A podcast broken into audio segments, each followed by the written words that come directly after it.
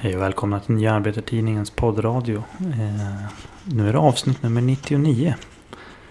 Och eh, jag heter David Kasa. Med mig har jag Jan Hägglund. Sitter och bläddrar. Inte alls redo att börja podden. Jodå. Eller tänker du på bensinpriset? Eller dieseln? Ja, det kan du lita på. Vad ligger den på nu då? Alltså på OKQ8 så kostar dieseln 25 kronor och 62 öre. 25 kronor och 62 öre alltså. Är det vad du får betala för dieseln? Det är precis vad jag får betala för dieseln. Om jag inte handlar den på något annat ställe. Som på Circle K. Då får jag betala 25 kronor och 47 öre. Ja, det var ju inte direkt en så stor skillnad. Wow, herregud, det är ju 15 öre. Ja. Ja, nej, det är, eh, det är rätt dyrt. Säg Även det med tycker jag. bensinen. Ja, vad heter nu? Som sagt, det är ju avsnitt nummer 99 av podden. Idag är det den 7 mars, en måndag. Och eh, jag- jag vill börja med att eh, be om ursäkt för våra lyssnare att vi har eh, dröjt. Det är ju över två veckor sedan vi eh, släppte det senaste avsnittet. Och det är helt enkelt så att eh, först så, så, så var vi tvungna att ställa in på grund av coronan. Eh, vi drabbades av det här. Och eh, andra gången var för att vi hade en utdelning av Umebladet till drygt 20 000 hushåll här i Umeå förra helgen. Och sen dess då så har det ju hänt omvälvande saker. Två dagar innan vi delade ut Umebladet, den, vår utdelning var den 26 februari, den 24 februari så inledde ju Ryssland ett militärt angrepp mot Ukraina. Och sen har det gått eh, fort. Och eh, jag menar, vi har ju redan sedan tidigare utlovat att vi skulle diskutera den här frågan. Nu blir det ju helt klart på ett annat sätt. Men vi ska försöka i ett antal poddar och eh, artiklar att eh, förklara bakgrunden till konflikten och även ta upp en del krav om, om eh, vägen framåt. Eh, och när det gäller den saken så hade vi faktiskt, eh, kan jag passa på att berätta, vi organiserade ett torgmöte här i Umeå i lördags. Där vi gav Umeåborna möjlighet att skicka protestvykort.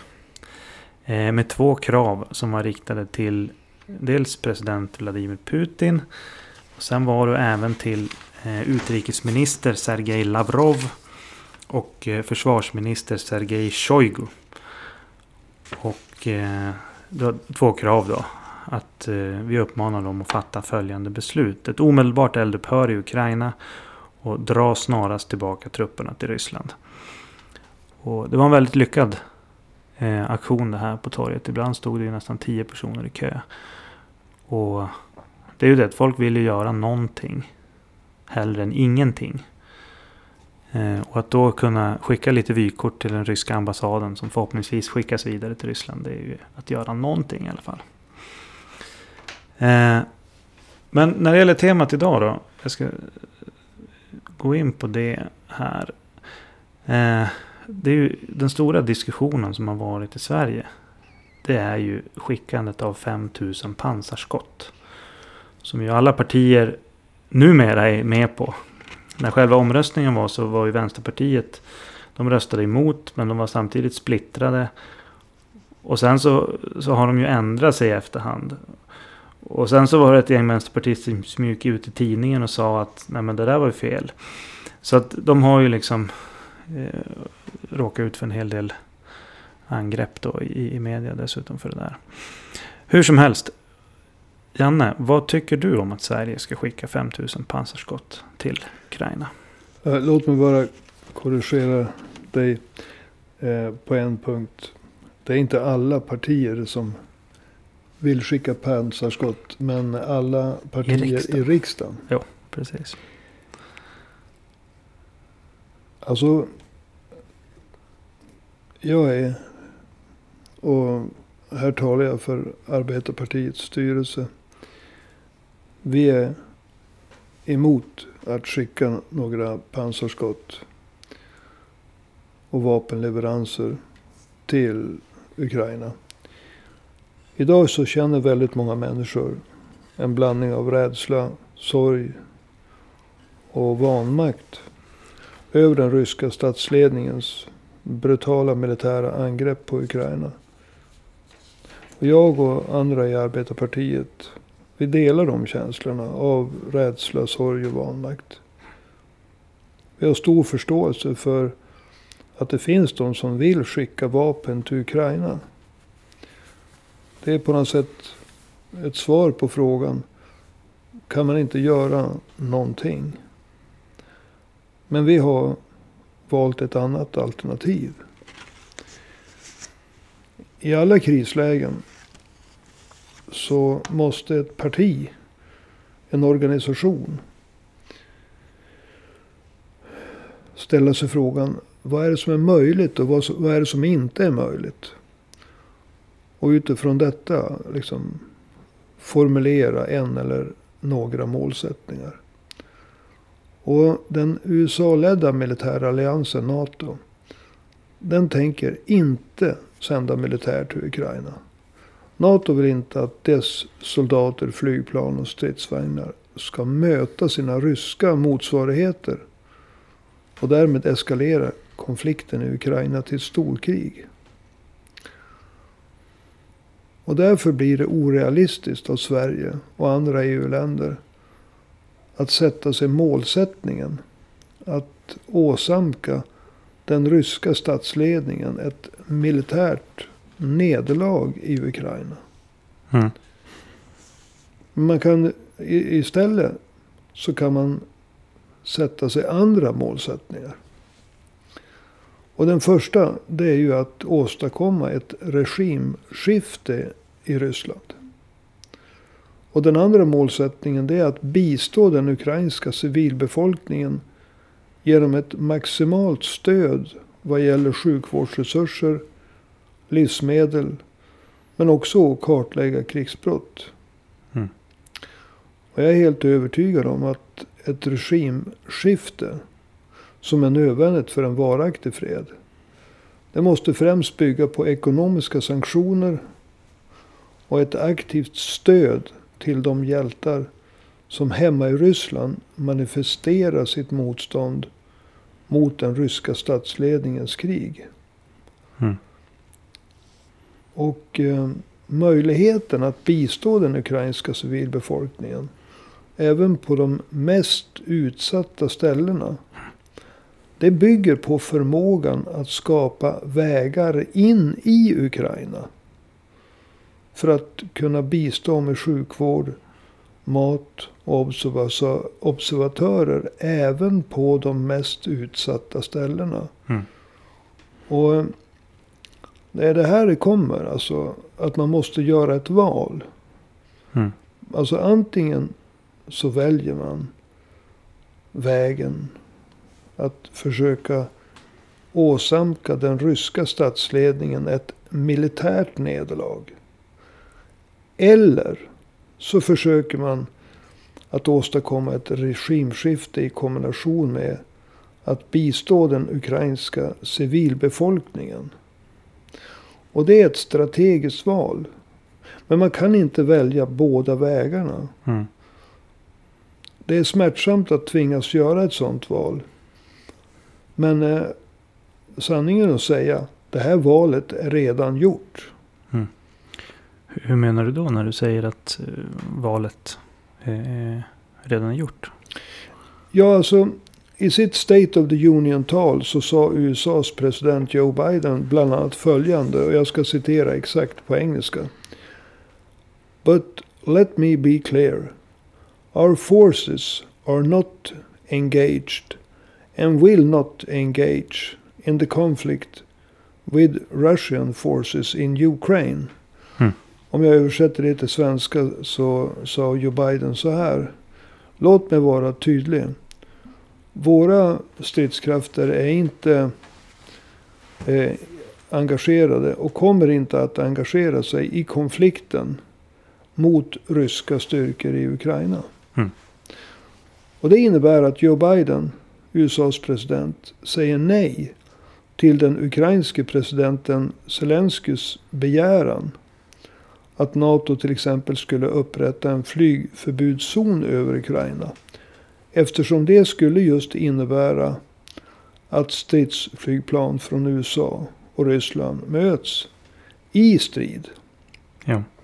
Och det innebär i praktiken att valet att åstadkomma ett militärt nederlag för den ryska statsledningen är borta. När USA har sagt nej. Då innebär det att NATO har sagt nej. Mm. Och att då komma med enskilda militära, eh, vad heter det, eh, vapenleveranser. Det kommer inte att leda till att eh, den ryska statsledningen lider ett militärt nederlag. Vad det däremot kan åstadkomma. Det är att det saboterar möjligheten att skapa vägar in i Ukraina. Till de mest utsatta områdena. De som mm. är i störst behov av livsmedel av sjukvårdsbistånd. Och även genom de som levererar mat och sjukvård. Observatörer. Som kan kartlägga krigsbrott. Sen skulle jag också vilja tillägga att om Sverige skickar 5000 pansarskott. Så finns det två andra problem. Eh, förutom att jag är övertygad om att det absolut inte påverkar så att säga, kriget. Inte när USA har sagt nej mm. till den vägen. Och det är att det spelar rakt i händerna på den ryska statsledningens propaganda. Men sen finns det en, en annan stor risk med vapenleveranser. Som jag hoppas att vi får åter, att jag ska få, få möjlighet att återkomma till. Ett väldigt stort problem med mm. de här vapenleveranserna som, som förtjänar en egen, ett eget kapitel kan man säga. Mm. Men det finns ju de som menar på att det är mycket som pekar på att Ukraina är på väg in i en humanitär katastrof. Alltså det är ju, eh, jag vet inte vad den exakta siffran är på antalet flyktingar idag. Men det snackas ju om en och en halv, två miljoner människor. Man har pratat om att det kan vara så mycket som fyra, fem miljoner som flyr. Alltså, borde inte Sverige göra någonting i det här läget? Ja, alltså Ukraina är otvivelaktigt redan inne i en humanitär katastrof. Jag tror att man pratar om att det är uppåt två miljoner människor som har flytt från Ukraina. Och kanske dubbelt så många som är på flykt inne i Ukraina. Mm. Vad vi anser det är att Sverige bör göra sitt yttersta för att i samarbete med andra länder mildra denna eh, alltså humanitära katastrof. Och det är därför som jag tidigare har betonat att då måste, man måste välja alltså. Man måste välja strategi.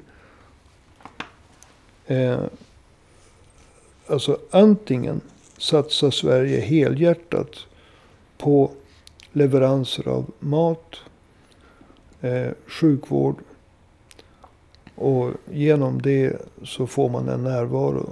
Och man kan kartlägga eventuella krigsbrott. Och mm. krigsbrott brukar alltid förekomma i samband med invasioner. Jo. Eh, antingen gör man en helhjärtad insats den vägen.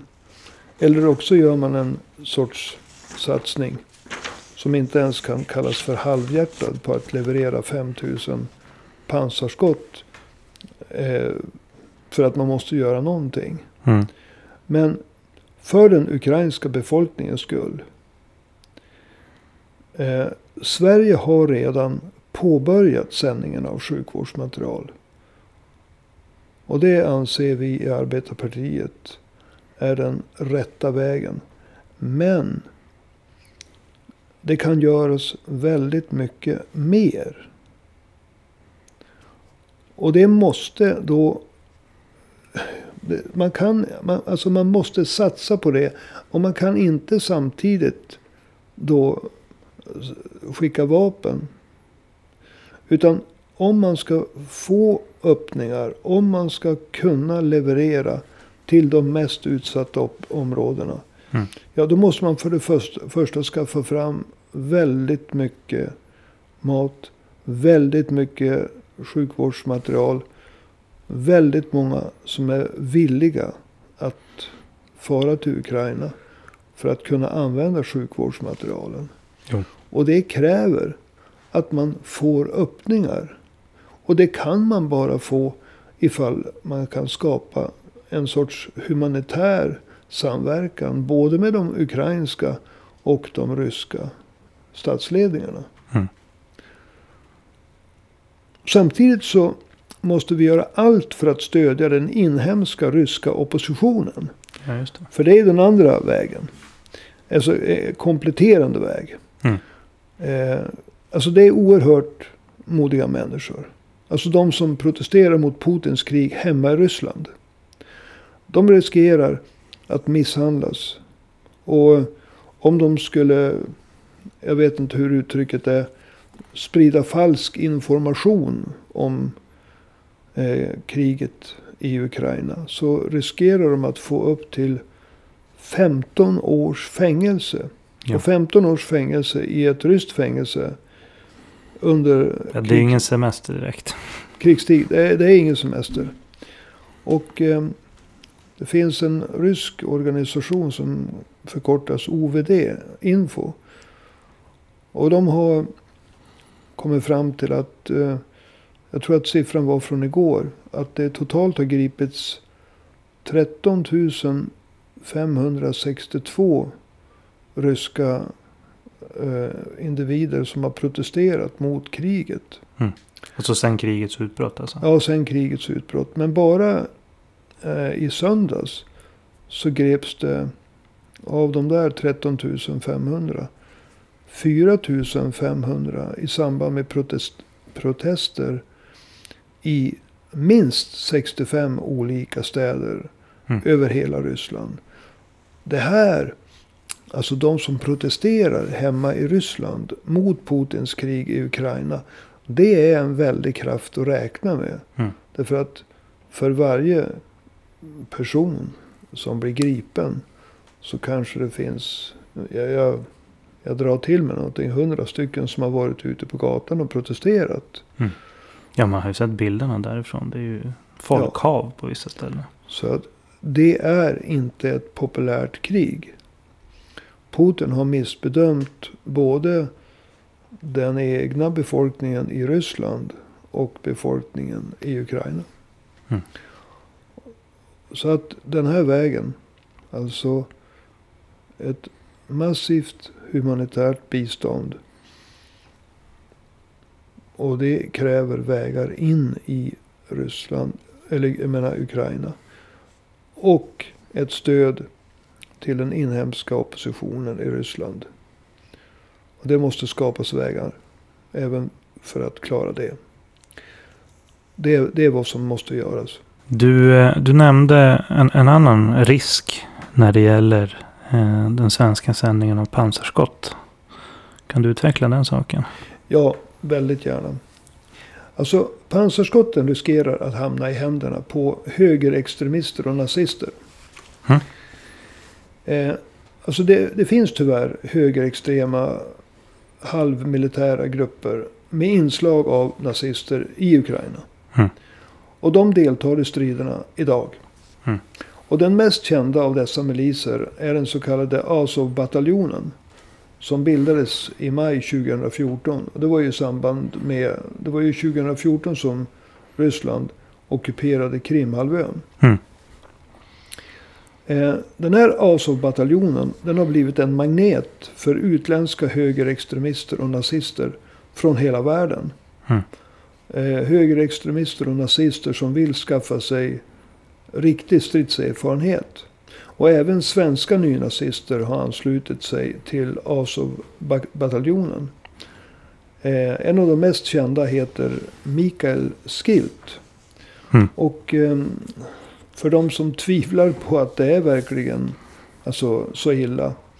att det inte bara är högerextremister utan, utan det är högerextremister och nazister. Eh, för dem kan jag säga att eh, den symbol som Azov-bataljonen har. Det är eh, en variant av den symbol som användes av ett av de stridande militära nazistiska förbanden under andra världskriget. De stridande nazistiska förbanden de kallades för Waffen-SS. Och den symbol som Azov-bataljonen har valt. Det är från SS-divisionen Das Reich. Mm. Riket. En av de absolut mest kända stridande nazistiska förbanden under andra världskriget. Och eh, jag har dem framför mig här, tre stycken. Dels den eh, ursprungliga nazityska symbolen. Och sen är den lite förändrad i eh, Azov-bataljonens första variant. Och sen så är den ytterligare lite förändrad i Azov-bataljonens nuvarande variant. Men mm. det är så tydligt släktskapet. Eh, så att det råder ingen som helst tvekan om att de har medvetet valt en symbol från eh, den, de tyska stridande förbanden under andra världskriget. De nazistiska stridande förbanden, alltså Waffen-SS. Mm. Och divisionen hette Das Reich. Du, eh, jag måste bara fråga. Jag hade egentligen en annan fråga. Men alltså, du nämnde det här med att svenskar har, har varit hos Azov-bataljonen. Alltså hur vanligt är, har, har det varit att svenskar har åkt ner till och stridit? Alltså jag har ingen, jag har ingen statistik. Jag, jag vet bara att folk Antingen åker de dit eh, från när och fjärran, från norr till söder i Sverige. Eller också påstår de att de har åkt dit. Men jag har själv blivit uppringd av en person från Bjurholm som mm. ligger ett par mil utanför Umeå. Som påstod sig ha tjänstgjort i Azov-bataljonen. Den här personen var irriterad över att jag hade kritiserat antisemitism i Sverige. Alltså judehatet i Sverige på en, en blogg som jag skriver. Mm. Och det här var år 2015. Och för att skrämma mig så nämnde den här personen att han hade minsann tjänstgjort i ASO-bataljonen. Mm. Och det kan jag ju säga att det var ett mindre behagligt samtal. Jo. Så antingen reser folk från norr till söder i Sverige. Beroende på hur blodtörstiga man är. Va? Därför mm. att ska man ha stridserfarenhet Ja, då ska man vara beredd att döda. Men man ska också vara beredd att dö själv. Mm. Så att det är ingen lek. Nej. Så när man blir uppringd av en sån person så det är klart det blir mindre behagliga samtal. Mm. Just det. Ja. Eh, du, åter till eh, pansarskotten här då. Hur, hur, alltså hur, hur skulle svenska pansarskott kunna hamna hos en, en högerextrem milis på det här sättet. Alltså det framstår ju, eh, framstår ju som orimligt ur ett svenskt perspektiv. Ja, alltså det är så här illa. Eh, jag har tittat lite på det här. Alltså den 12 november 2014. Då upptogs Azov-bataljonen i sin helhet. Som en officiell del i det ukrainska nationalgardet. Mm. Och nationalgardet ska ju försvara nationen. Eh, det ska ju vara någon form av elitstyrka, den sista linjens försvar. Idag kallas bataljonen för, jag citerar, Azovs avdelning för specialoperationer. Mm. Slut på citat. Och den innehåller mellan 1000 och 3000 beväpnade soldater. Mm. Och eftersom Azov-bataljonen idag utgör en officiell del av det ukrainska nationalgardet. Så har Azov-bataljonen, som jag fortsätter att kalla den för. Mm. Både kunnat ta emot vapen och träning av den USA-ledda militäralliansen NATO. Ända sedan 2014. Mm.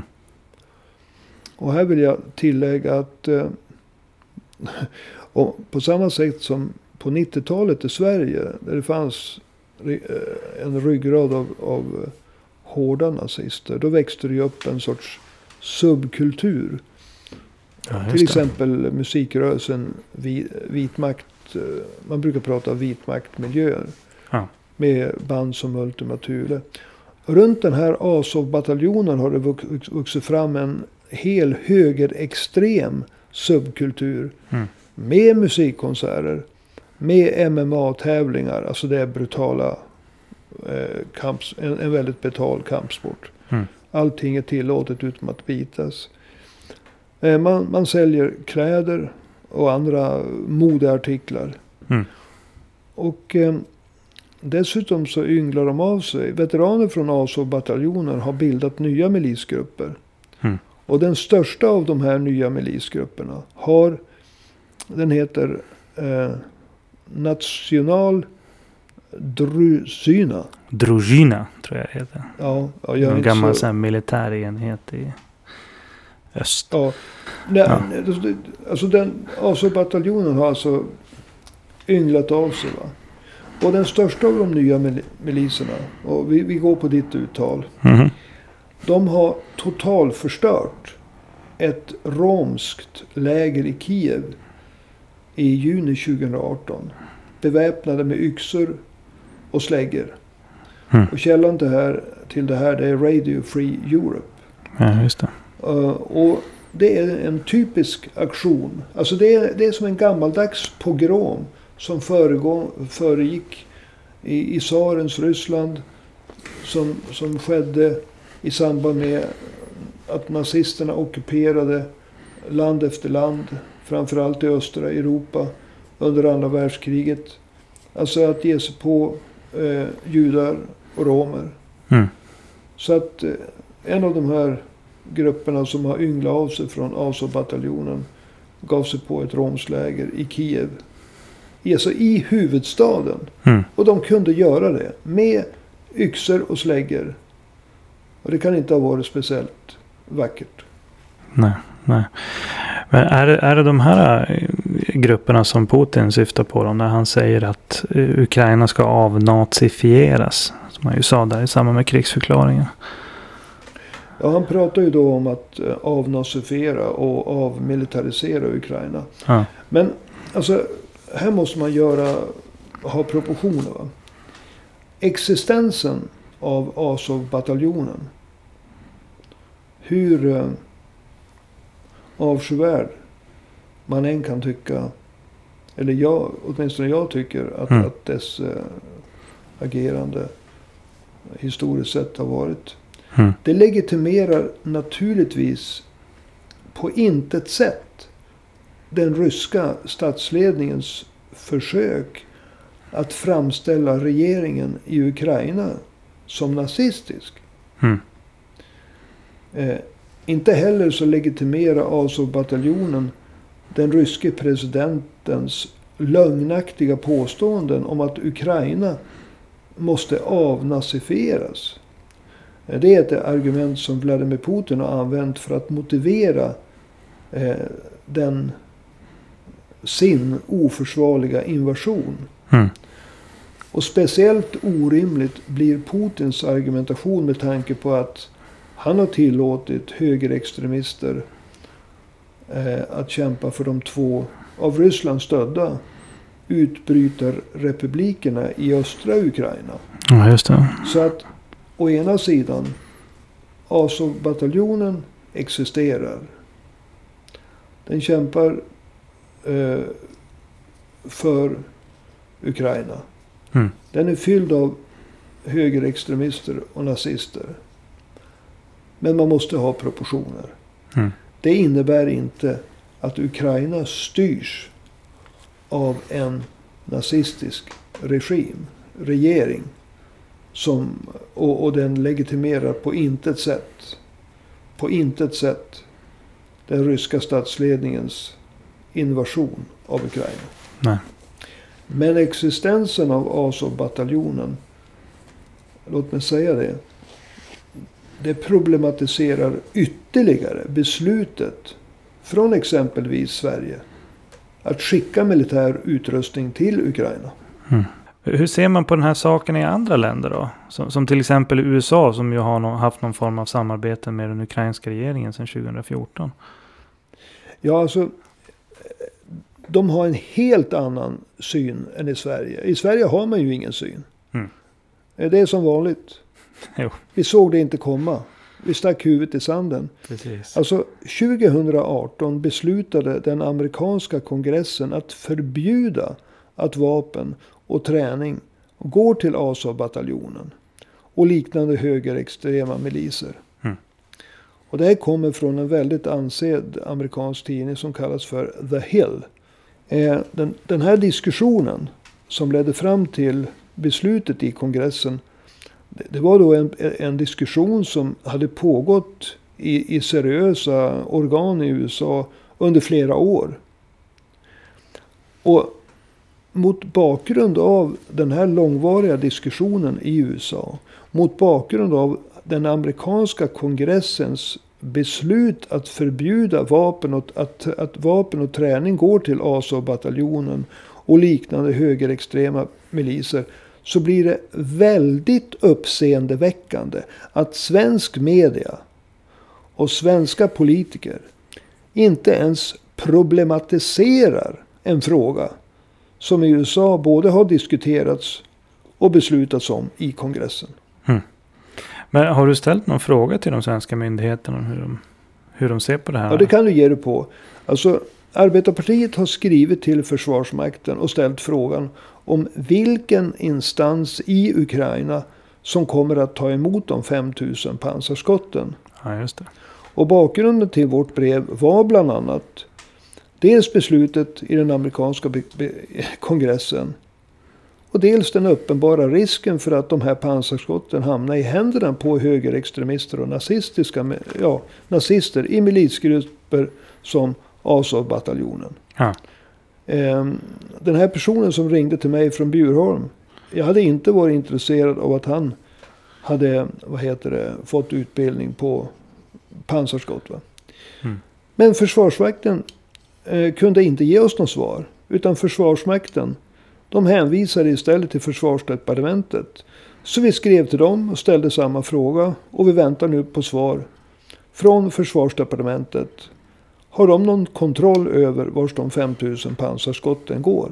Mm. Jag blir väldigt upprörd när jag tänker på skillnaden mellan hur man agerar i Sverige och i USA. Alltså vi, vi har ofta haft anledning att skälla på USA. Mm. Men alltså i det här fallet så är det inte USA utan det är Sverige som eh, visar upp, eh, som vanligt alltså, en ofattbar naivitet. Mm. Ja, nu är ju pansarskotten dessutom framme i Ukraina. Ja, pansarskotten är framme i Ukraina. Så det, borde, det minsta man borde kunna få ett svar på det är vem som tar emot dem. Jo. Så att, eh, alltså Sveriges sändning av pansarskott till Ukraina innebär att följande frågor måste ställas. Vill verkligen de som styr Sverige ta risken att svenska högerextremister och nazister får träna sig på avancerade svenska vapensystem för att sedan återvända till Sverige med de här kunskaperna. Mm. Alltså räckte det inte med IS-återvändarna? Mm. Jo, för det, för det reser ju folk dit nu. få högerextremister och nazister som kommer hem med stridserfarenhet och har fått träna sig på tyngre vapen. Mm. Och den andra frågan är, alltså varför har frågan om högerextremister och nazister som använder Ukraina som träningsläger inte aktualiserats i samband med leveranserna av pansarskott? Trots att frågan diskuterats så intensivt i USA att den till och med har lett till ett beslut i kongressen. Mm. Alltså hur flat får media och politik, politiker och för övrigt militärer och andra opinionsbildare vara i Sverige?